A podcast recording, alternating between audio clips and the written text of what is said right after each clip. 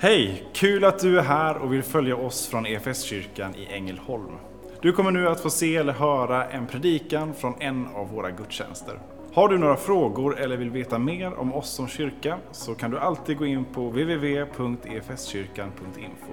Vill du ha tillgång till mer undervisning eller ta del av våra inspelade konferenser eller gudstjänster gå gärna in på vår Play-kanal, efskyrkan.tv. Nu ska vi lyssna på denna veckas predikan.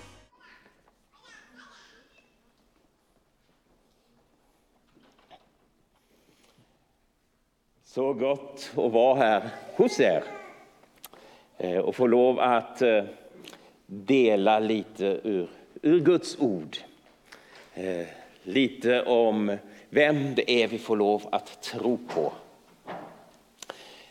Ja, älskade Kerstins bild av svampplockning här framme, kantarellplockning och kände jag skulle egentligen kunna hålla en hel predikan nu bara utifrån den bilden, men jag ska vänta med det för det, det var hennes i den här gudstjänsten.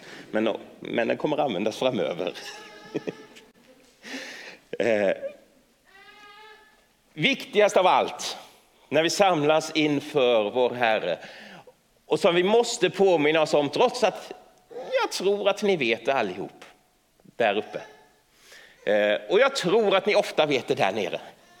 Men vi måste, kanske till och med där nere för att bli lite mer judisk, mitt bildspråk. Eh, min son säger så att Jesus bor i min mage. Så, och så har jag förstått att judarna säger också, så jag är lite stolt över honom. Eh, men ändå vill jag börja där med det allra viktigaste som vi måste återkomma till gång på gång. Så älskade Gud världen att han gav den sin enda son för att var och en som tror på honom inte ska gå under utan ha evigt liv. Gud älskade världen och Gud älskar dig. Och det är därför du sitter här, det är därför jag får lov, eller så sitter du där hemma eller så sitter du någon annanstans. Eh, men det är därför jag får lov att idag stå här och tala till dig om Guds vilja och Guds plan i någon mån. Gud älskar dig. Du är värdefull precis som du är. Det innebär inte att det inte finns utrymme för förändring och förbättring på en del områden, men du är redan värdefull precis som du är. Du är älskad av Gud, du är skapad till hans avbild och han har sänt sin son att leva, dö och uppstå för dig. Jag jobbar alltså numera för Norea, Norea Radio sa Magnus i början. Här. Vi, vi kallar oss inte riktigt det längre, utan Norea Sverige kallar vi oss. Vi håller kanske på att jobba in ytterligare en ny förändring där också snart, men, men än så länge Norea Sverige. Vi jobbar med mediemission och jag vill innan jag går in på dagens text lite grann få presentera vad det är vi gör. Och det gör jag genom en bibelberättelse som jag eh, har låtit bli lite signatur till att berätta om Norea. Ni har hört berättelsen, kanske inte alla, men de allra flesta av er har hört berättelsen om hur det är med himmelriket. Det är Jesus som berättar den ursprungligen. Nämligen. Men himmelriket så är det nämligen som när en man är ute och går på en åker och så hittar han en skatt. Och jag tänker ju att när man är ute och går på en åker och hittar en skatt så är det för att man snubblar på den lite och skaver foten lite för den sticker upp lite. Den, en skatt ligger alltid i en kista, det vet alla. Eh, så snubblar man lite på den kistan och så får man lite ont i foten. Och mannen hittar skatten och så går han iväg, står där, ja, han kollar väl vad det är för något och får klart för sig att det inte bara är en gammal skokartong utan att det faktiskt är en skatt. Han går iväg och säljer allt han har för att få råd att köpa åken, går tillbaka till åken, gräver upp skatten och tar hem den. Och så har han vunnit mer än vad han betalade för den här skatten var värd att offra allt för. Och så har många av er hört den här utläggas och kanske tänkt själva när ni har läst texten att ja, här kommer jag som människa ut och går på livets åker. Och så råkar jag av en händelse snubbla på Guds skatt, snubbla på himmelriket som ligger begravt undangömt där. Och så går jag, och så går du, och lämnar allt för att följa Jesus, lämnar allt, säljer allt du har för att kunna gräva upp skatten och tillgodogöra dig himmelriket. Och det är fullständigt fel. För det är inte det Jesus menar med den här liknelsen. Jag är tämligen säker när jag säger så. Därför att det är inte upp till dig att nå himmelriket. Det är inte när du lämnar allting, det är inte när du betalar det yttersta priset som himmelriket kommer nära. Den som är ute och går på åken är Gud.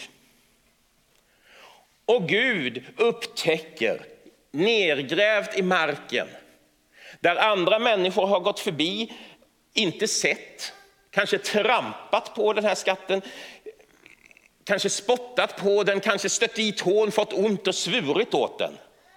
Där ser Gud en skatt. Och så gräver han upp dig. Ja, han, går, han går först och betalar det ultimata priset, det högsta priset, priset som ingen annan hade kunnat betala. När han ger sitt liv för dig. Och så kommer han tillbaka och gräver upp dig, borstar bort damm, smuts, orenheter, öppnar den här kistan, lyfter ut dig i ljuset tar in dig i sitt rike och där är Guds rike, där är himmelriket. När en människa blir upplyft ur jorden och insatt i Guds hus, i Guds familj, i Guds hem. Där är himmelriket.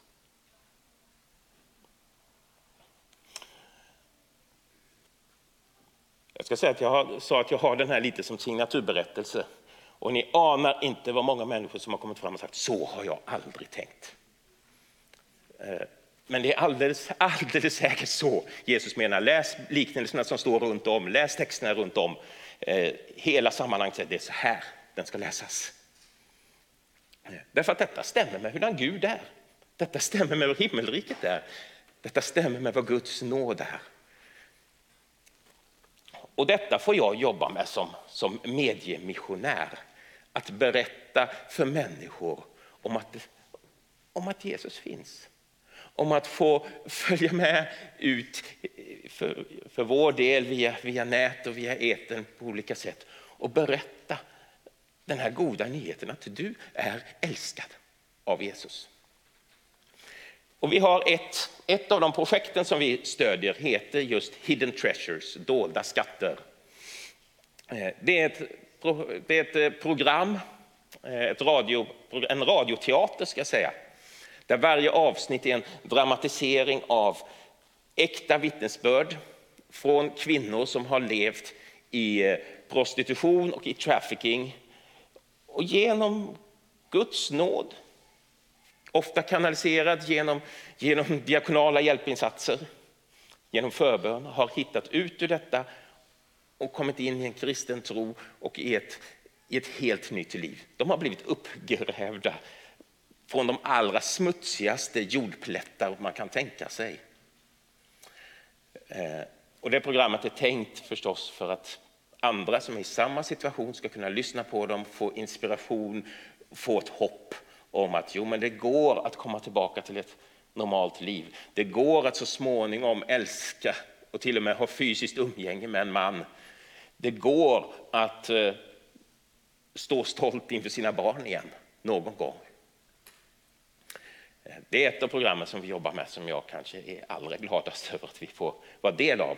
Det finns inte, ja det finns som man kan hitta det på nätet, men framför allt delar vi ut, eh, inte vi, vi producerar och finns med i det skedet, diakonala organisationer delar ut detta program till de som allra bäst behöver se det. Eh, vi är en mediemissionsorganisation, vi jobbar med radio, tv, webb för att nå ut med evangelium på olika sätt och på olika plan här hemma och ut över världen. Eh, titta gärna in på vår webbplats, noreasverige.se. Ute på bordet i foajén har jag lite ytterligare information och nu lämnar jag det. Eh, även om jag kommer återkomma lite i predikan. Jag ska läsa dagens text för er. Eh, från Markus evangeliet kapitel 7. Jesus han har vandrat omkring i Galileen en tid. Eh, han har gjort under, han har gjort, botat många och han har drivit ut demoner, onda andar, orena andar. Eh, och så har han lämnat Galileen och så har han gått upp till Tyros, en stad som ligger lite nordväst om Galileen, om Israels område, ett hedniskt område, så har han verkat där lite. Och så kommer vi in i evangelietexten idag i vers 31 där det står att eh, Jesus lämnade trakten kring Tyros och gick över Sidon till Galileiska sjön i Dekapolisområdet. Där eh, kom de till honom med en man som eh, var döv och knappt kunde tala. Och de bad Jesus lägga sin hand på honom. Han tog honom avsides, eh, stack fingrarna i hans öron och spottade och rörde vid hans tunga. Sen såg han upp mot himlen, andades djupt och sa Effata. Det betyder öppna dig. Med ens öppnades mannens öron och hans tunga löstes och han talade riktigt. Jesus förbjöd dem att berätta det för någon, men ju mer han förbjöd dem, desto ivrigare spred de ut det. Och alla blev överväldigade och sa, allt han har gjort är gott. De döva får han att höra och de stumma att tala.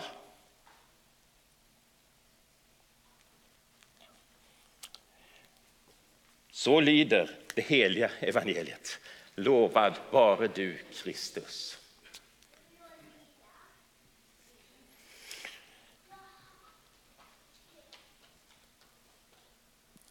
Ännu ett under. Ännu ett helande. Som jag sa, Jesus har gått omkring i Galileen och helat rätt många. Han har gjort det ena undret efter det andra och till och med så skriver Markus i Markus evangeliet emellanåt lite sammanfattande att han, att han och lärjungarna de gick runt och helade och, och botade och, och drev ut många andar. Och så här. Så liksom summerar lite att, att det skedde på många ställen och på, över hela Galileen. Och så finns det några tillfällen, ganska många hos Markus faktiskt, där han, där han går in och, och tar specifika exempel. Och det här är ett specifikt exempel och då kan man fundera på när han gör det, varför tar han upp just det här och varför tar han inte upp den pojken eller den flickan eller den mannen eller den kvinnan? För det, ju, det står ju om en massa som inte finns omnämnda.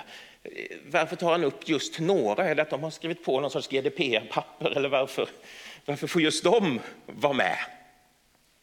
Eh, och förmodligen är det förstås för att han har någon poäng med det. Någon tanke med att just de här situationerna nämns och vissa detaljer i de här situationerna kommer med.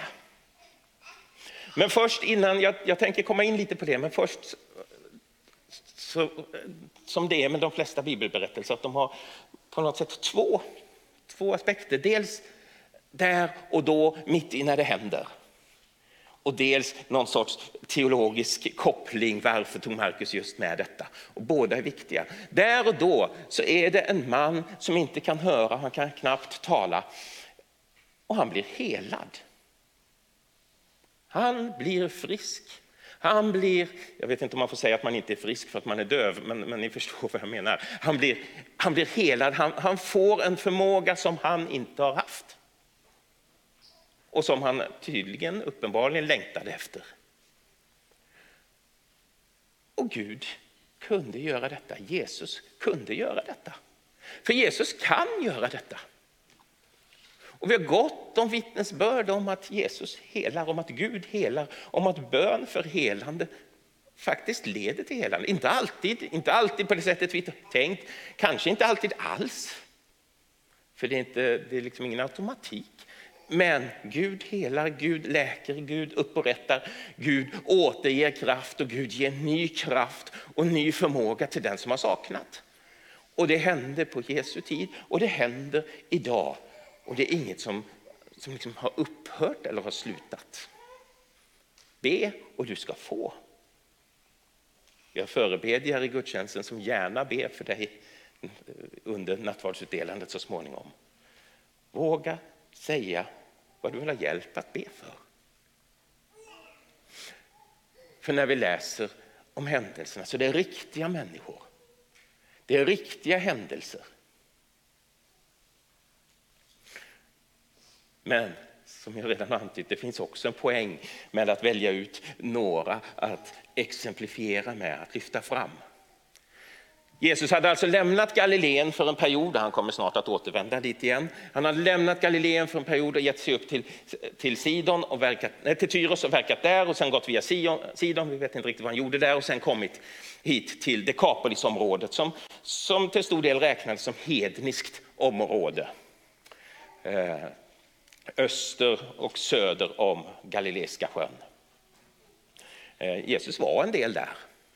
Och nu kommer han dit. Och när han kommer dit, då kommer de genast till honom med någon som han kan bota.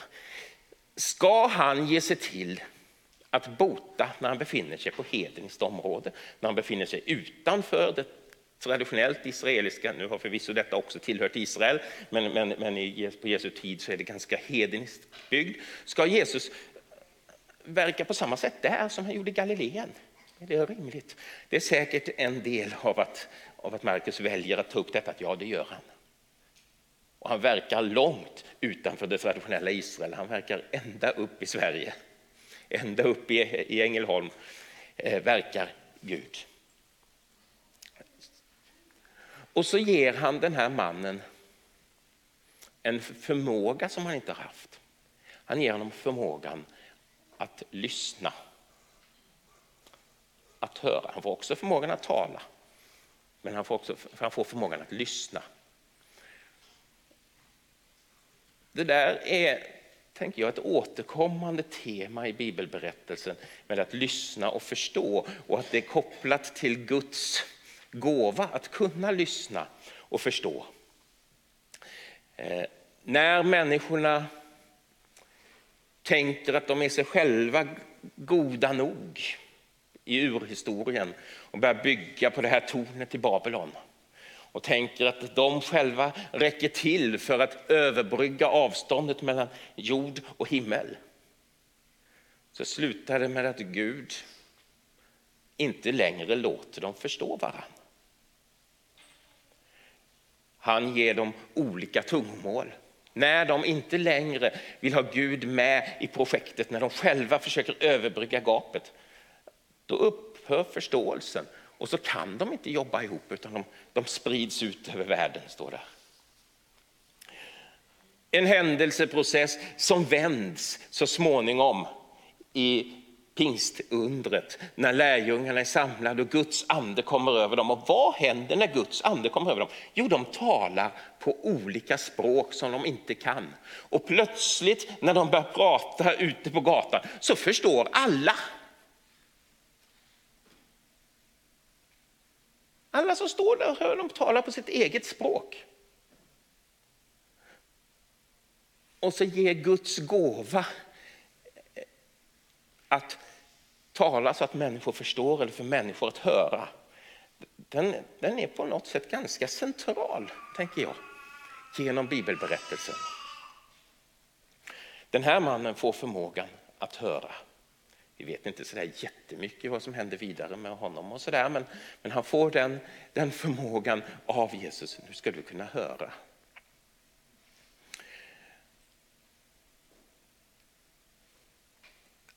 att höra, att få lov att höra om evangeliet eh, är Guds största gåva till oss. En eh, man i Indien, han tillhörde ett minoritetsfolk, det är, det är rätt många som gör det i Indien, de har massor av folk och språk. Han tillhörde ett minoritetsfolk, bodde i en liten by eh, de talade sitt eget språk. Givetvis så kunde de också en del av de stora språken, för så fungerar det i många av de länderna där man har, har en, en eh, multispråksituation, att man kan sitt eget språk och så kan man huvudspråken för landet. Eh, den här mannen som, som jag tänker på, han, eh, han hade ett stort alkoholproblem. Han drack för mycket, han drack varje dag, han drack sig eh, allvarligt berusad och han blev våldsam när han var berusad och det gick ut över hans familj. Över fru och barn som fick ta, ta emot stryk. Eh, och han drack för att livet var inte så lätt. Det var svårt att få ihop det och ekonomiskt och få saker att fungera. Eh, och på något sätt kan människan få för sig att det blir enklare om man lägger de pengar man trots allt har på alkohol. Eh, och den här mannen hade fastnat i det Och så bar han sig illa åt mot sin familj, mot sina grannar, mot människor runt om honom. Eh, och detta skedde kväll efter kväll och morgon efter morgon så vaknade han upp med en sån ångest. Vad är det jag har gjort? Och så ångrade han sig. Och så bestämde han att aldrig mer ska detta ske. Jag måste låta bli. Och så börjar det bli eftermiddag och så cyklar han iväg till, till spritbutiken och så köper han en ny flaska och så blir det en likadan kväll igen.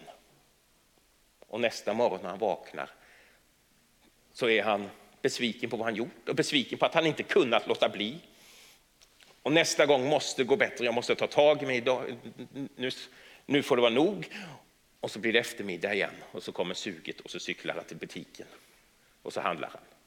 Mönstret känner ni igen. En, kanske några av er från egen erfarenhet och många av er från, från berättad erfarenhet. Ungefär så ser det ut för allt för många. För den här mannen så såg det ut ungefär så. Men så en dag så cyklar han är på väg till butiken. Han ska dit och handla. Han har sin lilla radio dinglande från styret som han brukar ha den. Eh, och så händer något som aldrig har hänt innan. Han hör nämligen någon börja prata på radion, ett radioprogram, på hans språk. Han talar ett minoritetsspråk, ingen på radio talar det språket. Det finns inga radiostationer som sänder på de små språken. För radiostationerna sänder på de stora språken så att många ska kunna lyssna, så att alla ska kunna förstå. Men här är någon som sänder på hans språk. Det är första gången i hans liv som han hör sitt eget språk, sitt hjärtas språk, talas på radion. Och därför lyssnar han. Så visade det sig vara ett program från, från Transworld Radio, en av våra samarbetsorganisationer. Det visade sig vara ett program som tar upp missbruk.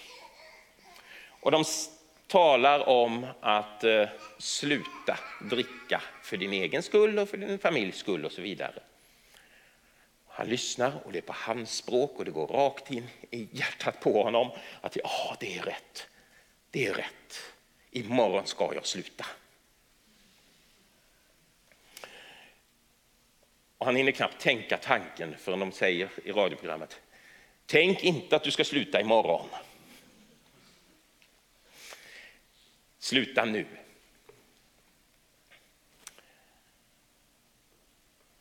Och tro det eller ej, men han slutade. Han slutade där och då. Han, han körde inte och köpte den där flaskan. Eh, och hans liv vände. Eh, han eh, lyssnade färdigt på programmet och han hörde vilka som hade sänt ut och hur man kunde få kontakt med dem. Och efterhand, ja, eftersom han lyckades stå emot den dagen och nästa dag, hans relation till familjen förbättrades, Eh, så ville han söka upp avsändarna för att, för att få, få liksom tala om detta. Och det var någon boxadress någonstans. Så han letade upp det postkontoret och tänkte han sitter där och väntar tills någon kommer och tömmer den där boxen. Eh, och den var lite avsides i någon by så de kom inte dit och tömde varje dag. Utan det tog eh, ett par, dag, ett par tre dagar innan det faktiskt kom någon, men han satt där och väntade. Och så kom någon och tömde och han fick berätta, berätta detta. Just den här mannen, som det ju gick ovanligt väl för i slutändan, han kom till tro, han fick en kristen tro. Han valde att starta en liten församling i byn där han bodde, den första kristna församlingen i den byn. Eh, och några år senare så var, eh, om jag ska tro honom själv i alla fall, alla byns invånare medlemmar i denna församling. Det kan hända något spännande när en människas öron öppnas för evangelium. Och evangelium är att Jesus Kristus har dött och uppstått för dig. Men evangelium är också att det finns upprättelse, vändpunkter, möjlighet till, till förbättring i livet som vi lever här och nu. Att Gud, att helig ande vill vara med och vända våra liv. Att vi får lov att vända oss till honom, lita på hans kraft, så kan han öppna våra ögon. Eller en annan dag så kan han, kan han uppresa en lam och en annan dag så kan han befria någon som har levt i slaveriliknande förhållanden eller i riktigt slaveri, i förnedrande situationer.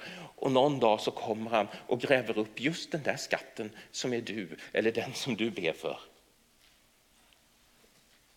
Och ställer den inne på jag, jag, vet inte om Gud ställer människor på piedestaler inne i sitt hem, men jag tänker att han bär in den här skatten och ställer den på en piedestal inne på, i sitt hem, på en hedersplats. Här hör du hemma.